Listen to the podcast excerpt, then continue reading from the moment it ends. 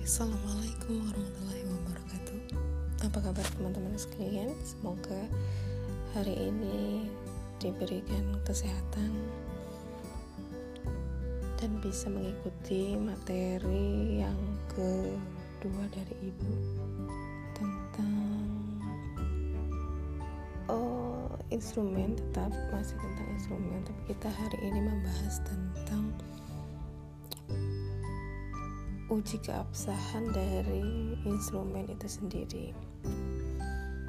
Baik, uh, sebelumnya kita mulai dengan Bismillahirrahmanirrahim.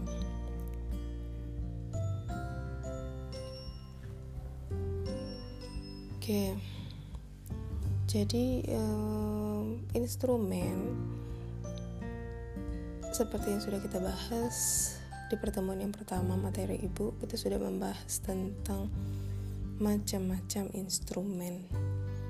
Nah, untuk yang kedua ini, uji keabsahan dari instrumen itu sendiri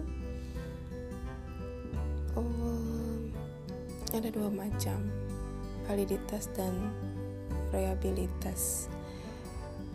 Jadi, instrumen yang kita gunakan itu um, harus kita uji terlebih dahulu tidak bisa langsung dipakai sebebas kemauan kita. Tapi harus uh, kita uji dulu bisa atau tidak bisa digunakan saat melakukan penelitian.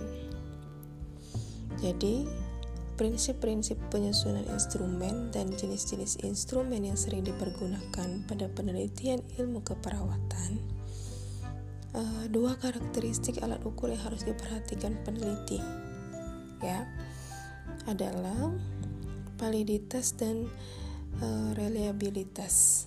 Ulangi, validitas dan reliabilitas. Ya. Jadi validitas itu apa? Validitas itu atau bahasa lainnya itu kesahihan yang menyatakan apa yang seharusnya diukur. Sedangkan reliabilitas atau keandalan adalah adanya suatu kesamaan hasil apabila pengukuran dilaksanakan oleh orang yang berbeda ataupun waktu yang berbeda. Jadi, uh, instrumen yang kita gunakan itu harus diuji, kemudian hasilnya harus valid dan reliable atau reliabilitas. Itu ya.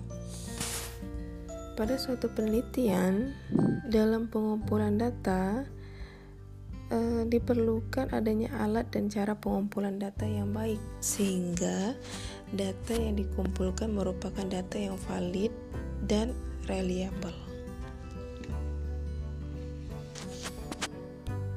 Oke, yang pertama kita bahas terlebih dahulu uh, prinsip validitas. Jadi prinsip validitas adalah pengukuran dan pengamatan yang berarti prinsip keandalan instrumen dalam pengumpulan data. Jadi instrumen itu harus dapat mengukur apa yang seharusnya diukur. Misalnya, bila penelitian kita hmm, mengukur atau ada proses mengukur tinggi badan balita, maka tidak mungkin kita mengukurnya dengan timbangan uh, dacing atau dengan timbangan berat badan. Jadi kita menggunakan ya alat ukur untuk mengukur tinggi badan itu sendiri. Kemudian uh, penelitian yang lain mengukur belah darah pasien misalnya. Jangan menggunakan alat ukur yang lain yang bukan untuk mengukur uh, kadar gula darah pasien. Nah jadi prinsip validitas itu melakukan sesuatu yang seharusnya kita kita lakukan Ada dua hal penting yang harus dipenuhi dalam menentukan validitas pengukuran. yang pertama, instrumen harus relevan isi. Ya. Kemudian yang kedua, harus relevan cara dan sasaran. Nah, untuk yang relevan isi instrumen, isi instrumen harus disesuaikan dengan tujuan penelitian agar dapat mengukur apa yang seharusnya diukur. Jadi, isi tersebut biasanya dapat dijabarkan dalam definisi operasional. Misalnya, hmm, seorang peneliti ingin mengukur tingkat pengetahuan klien tentang perawatan luka pasca operasi. Maka, isi instrumen yang harus ada adalah pengertian, misalnya ya, uh, tujuan, alat-alat apa yang diperlukan, cara merawat luka, dan akibat jika tidak dirawat. Intinya, ruang lingkupnya hmm, sesuai dengan tujuan penelitian, itu uh, relevan. Kemudian, itu untuk relevan isi instrumen, ya.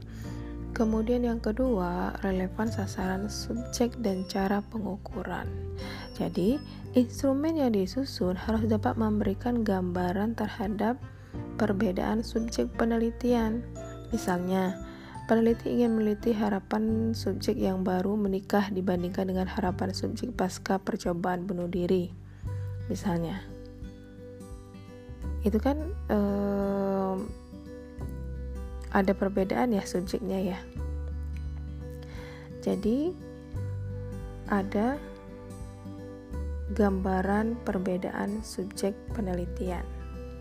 Ya. Jadi pada prinsip ini peneliti harus e, harus dapat mempertimbangkan kepada siapa ia bertanya.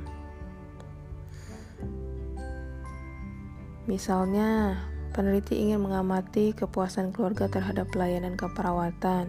Jadi peneliti harus bertanya kepada keluarga, kepada uh, suaminya, kepada istrinya dan anggota keluarga yang lain. Ya, tentang apa? Tentang pelayanan keperawatan tersebut.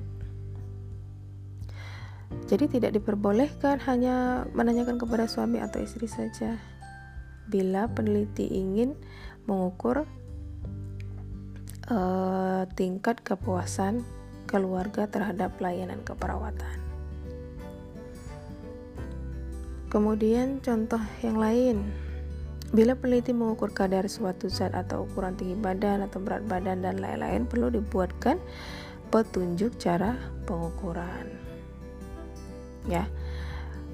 Demikian juga kalau peneliti memakai alat pengumpul pengumpulan data dengan kuesioner.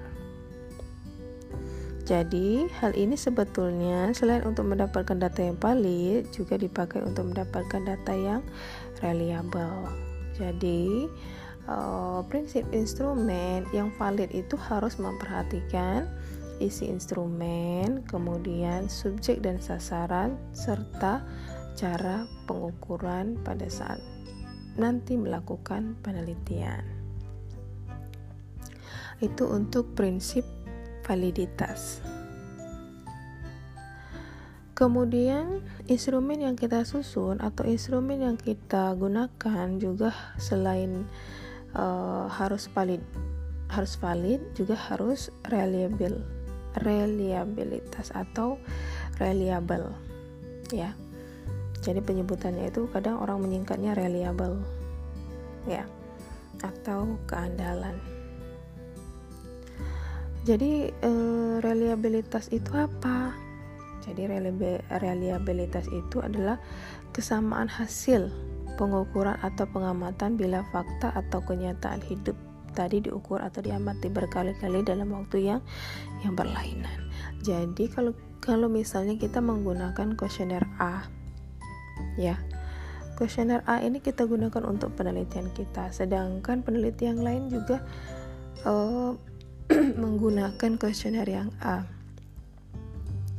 Pada lokasi penelitian kita dengan lokasi penelitian orang lain yang juga menggunakan hmm, kuesioner yang sama atau kuesioner A juga itu hasilnya ada kesamaan hasil dari pengukuran.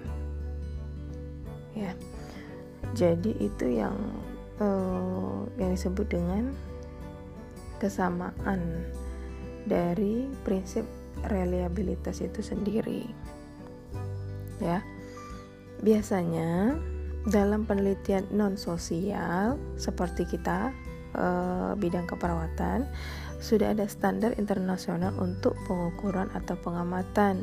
Misalnya uh, untuk mengukur temperatur atau suhu tubuh pasien, alat yang kita gunakan akan sama dengan uh, peneliti yang menggunakan alat pengukuran temperatur juga di tempat yang berbeda. misalnya peneliti A melakukan penelitian tentang hipertermi. Jadi kan membutuhkan alat mengukur temperatur. Sedangkan peneliti yang B di tempat yang berbeda juga melakukan penelitian tentang hipertermi, pun dia juga akan menggunakan alat yang sama untuk mengukur temperatur. Baik itu digital atau yang biasa. Ya jadi prinsip variabel itu ada kesamaan. Oke Uh, sedangkan dalam penelitian keperawatan atau psikososial, walaupun sudah ada beberapa pertanyaan kuesioner yang sudah distandarisasi secara nasional maupun internasional, peneliti perlu menyeleksi instrumen yang dipilih dengan mempertimbangkan keadaan sosial budaya dari area penelitian. Uh, hal ini sama dengan ketika kita menggunakan instrumen penelitian untuk um, mengkaji nyeri uh, untuk mengkaji nyeri atau melakukan penelitian pada skala nyeri baik itu nyeri pada orang dewasa pada anak-anak baik itu pada bidang maternitas misalnya nyeri pada uh, pasien pasca melahirkan atau pasca seksio cesaria dengan nyeri abdomen pada pasien yang mengalami gastritis misalnya. Itu kan uh, punya instrumen yang sudah reliable. Ya tapi kita juga harus memperhatikan yang cocok untuk pasien dewasa ini menggunakan apa? Kan ada visual analog scale ada um, untuk penelitian pada anak-anak juga ada visual analog scale tapi dia tidak tidak menggunakan ucapan ya. Lebih ke face lebih ke ekspresi muka. Jadi um, walaupun sudah ada yang reliable atau ada yang baku kita juga harus memperhatikan yang cocok di uh, sampel yang akan kita teliti itu menggunakan instrumen yang yang mana. Intinya kita uh, tentukan yang paling cocok. Yang selanjutnya ada beberapa cara pengukuran yang dapat dipakai untuk melihat reliabilitas dalam pengumpulan data di bidang kesehatan yaitu yang pertama stabilitas. Ya stabilitas mempunyai kesamaan bila dilakukan berulang-ulang dalam waktu yang berbeda. Itu yang kedua ekuivalen pengukuran memberikan hasil yang sama pada kejadian yang sama. Kemudian yang ketiga ada homogenitas atau kesamaan. Intinya kembali lagi ke penjelasan awal tadi. Kalau reliable itu ada ada kesamaan hasil pengukuran. Ya. Ketiga prinsip reliabilitas tersebut dapat dijelaskan sebagai berikut. Yang pertama hmm, dalam men menanyakan suatu fakta atau kenyataan hidup pada sasaran penelitian harus memperhatikan relevansi pertanyaan bagi responden. Artinya menanyakan sesuatu yang dikenal responden.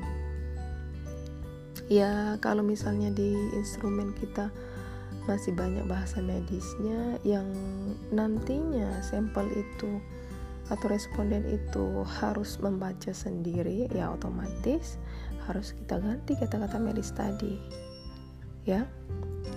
Dengan menggunakan uh, kata yang bisa dimengerti oleh responden. Misalnya um, pernahkah ibu menderita mastitis misalnya ya?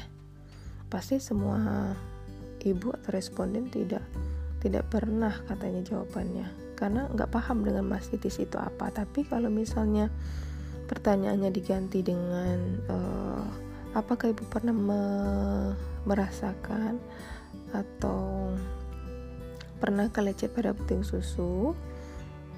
Ya insya Allah semuanya akan menjawab pernah. Gitu ya. Jadi kita harus juga memperhatikan prinsip uh, prinsip reliabilitas itu uh, dalam menyatakan suatu fakta kita harus memperhatikan mm, poin-poin uh, pertanyaan. Jadi uh, pertanyaan itu harus relevansi bagi bagi responden.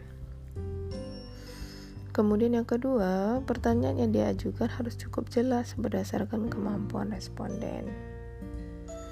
Ini penting ya untuk mengingatkan tingkat intelektualitas responden dan penanyanya karena belum tentu belum tentu sama yang bertanya pendidikannya sarjana misalnya. Sedangkan yang ditanya pendidikannya SD misalnya tidak akan tidak akan sama. Jadi juga harus kita perhatikan. Kita ini mengajukan pertanyaan kepada siapa. Jadi harus harus jelas. Kemudian ketiga perlu adanya suatu penekanan atau pengulangan. Jadi kan kadang-kadang peneliti atau petugas dapat menanyakan satu pertanyaan dengan lebih dari satu kali dalam waktu yang berbeda. Kenapa? Ya siapa tahu pemahaman pertanyaan kita yang diterima oleh responden itu berbeda. Jadi perlu kita tanyakan bisa dipahami atau tidak misalnya ya kalau makna dari apa yang kita tanyakan sudah dipahami oleh responden, nah bolehlah responden menjawab apa yang kita kita tanyakan. Tuh. Kemudian yang keempat, standarisasi. Jadi peneliti memakai ukuran atau pengamatan yang sudah standar. Ya. Ini mudah dalam penelitian non keperawatan dan non sosial, tetapi kurang tepat untuk penelitian keperawatan mengingat Masalah keperawatan yang terjadi pada klien lebih banyak ditemukan pada masalah-masalah klien yang berhubungan dengan psikososial spiritual. Selain juga ada faktor fisiologis.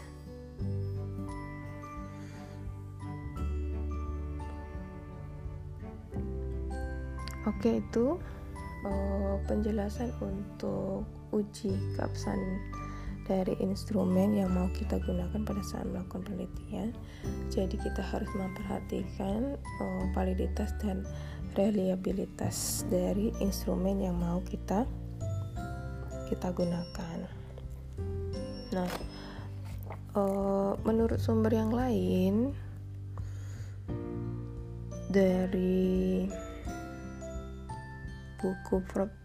Sugiono tahun 2018 dia menjelaskan bahwasannya dalam penelitian kuantitatif untuk mendapatkan data yang valid, reliable dan objektif, maka penelitian dilakukan dengan menggunakan instrumen yang valid dan reliable. Dilakukan pada sampel yang mendekati jumlah populasi dan pengumpulan serta analisis, uh, analisis data dilakukan dengan cara yang benar. Dalam penelitian kuantitatif, untuk mendapatkan data yang valid dan reliable yang diuji validitas dan reliabilitasnya, yaitu apa? Instrumen penelitian yang mau di, digunakan. Sedangkan dalam penelitian kualitatif yang diuji adalah datanya. Itu ya, perbedaan eh, untuk kualitatif dan kuantitatif. Jadi kalau kuantitatif itu instrumennya yang kita uji, sedangkan kualitatif itu datanya yang kita uji. Jadi teman-teman sekalian, kesimpulan dari penjelasan uh, Ibu hari ini tentang uji keabsahan data atau instrumen yang mau kita gunakan itu harus valid dan reliable. Jadi, valid dan reliable ini biasanya peneliti-peneliti sering melakukan uji validitas dan reliabilitas itu menggunakan SPSS bisa ya. Jadi kalau misalnya penelitian kuantitatif uh, instrumen yang kita gunakan berupa kuesioner uh, misalnya. Jadi kita harus melakukan uji validitas dan reliabilitas dulu. Nah, untuk uh, melakukan uji validitas dan, dan reliabilitas, instrumen yang kita gunakan harus kita sesuaikan dulu pertanyaan-pertanyaannya seperti yang sudah ibu jelaskan tadi ya harus relevan isi harus uh, sesuai dengan uh, sasaran oh, pertanyaan-pertanyaan yang mau kita sampaikan kepada responden jadi kita tentukan dulu poin-poin pertanyaan yang mau kita tanyakan kepada responden kemudian kita lakukan uji Eh, validitas dan reliabilitas. Nah, uji validitas dan reliabilitas ini sebelum data-datanya kita masukkan ke SPSS, berarti kita uji terlebih dahulu ke responden yang berbeda. Jadi, seperti ini. Kalau misalnya kita melakukan penelitian uh, di puskesmas oh, Sukamerindu misalnya tentang uh, kesiapan ibu menghadapi persalinan misalnya di Puskesmas Kamarindo. Nah, untuk uji validitas dan reliabilitas, kita menggunakan responden yang berbeda, bukan responden yang di Sukamerindu, tapi di Puskesmas oh, Jalan Gedang misalnya. Ya, nah yang di Puskesmas Jalan Gedang eh, kita jadikan sebagai responden untuk menguji oh, instrumen kita apakah valid atau apakah reliable. Nah, kalau misalnya responden yang kita gunakan itu ada 15 orang, ya. Jadi untuk menguji uh, instrumen kita valid atau reliable, kita juga menggunakan responden yang jumlahnya tidak jauh berbeda dengan jumlah responden yang kita gunakan pada penelitian kita yang sebenarnya kalau responden kita yang sebenarnya itu 15 orang untuk uji validitas dan reliable bisa 10 sampai 15 orang. Um, instrumen kita langsung kita aplikasikan ke responden yang dijadikan sebagai responden untuk menguji instrumen kita. Kita tanyakan poin per poinnya seperti kita melakukan penelitian yang sebenarnya tapi ke responden yang di uh, puskesmas Jalan Gedang sebagai responden untuk membantu kita menguji instrumen kita apakah valid dan reliable. Kita tanyakan seperti biasa kita melakukan penelitian, tapi untuk menguji instrumen kita valid atau atau tidak. Nah, untuk mengetahui valid atau tidaknya, data-data yang sudah kita tanyakan kepada responden yang ada di uh, puskesmas Jalan Gedang kita masukkan ke SPSS itu ya nanti di Aplicom atau di mata kuliah Aplicom kalian akan uh, mendapatkan materi bagaimana sih melakukan uji validitas dan reliabilitas uh, menggunakan SPSS nanti ada hasilnya. Ya ada hasilnya. Apakah instrumen yang kita gunakan ini sudah valid atau belum, sudah reliable atau belum. Nah, kalau misalnya hasilnya dari um, wawancara kita menggunakan instrumen kita itu di puskesmas Jalan Gedang itu hasilnya sudah valid dan reliable. Nah bolehlah kita gunakan instrumen kita ini ke penelitian kita yang sebenarnya di puskesmas Sukamarindu itu ya prinsipnya. Tapi yang perlu diingat juga, uji validitas dan reliabilitas ini kita gunakan atau kita lakukan jika ya kita lakukan jika instrumen kita belum baku belum berstandar nasional, belum berstandar internasional, atau kita buat sendiri. Tuh ya, itu prinsip yang paling penting. Jadi kalau misalnya instrumen kita ini baru, kita buat sendiri, kita harus melakukan uji validitas dan reliable. Tapi kalau misalnya instrumen kita ini sudah pernah digunakan oleh peneliti sebelumnya, kemudian ada keterangan sudah diuji validitas dan reliable, otomatis tidak dilakukan uji validitas pun tidak tidak masalah. Kita bisa langsung gunakan pada penelitian kita. Asal sudah ada keterangan kalau sudah valid dan reliable. Kemudian untuk instrumen-instrumen yang lain yang sudah baku. Uh, instrumen skala nyeri visual analog scale kemudian ada lagi um, untuk mengkaji atau melakukan penelitian tentang resiko jatuh juga ada instrumennya misalnya kan.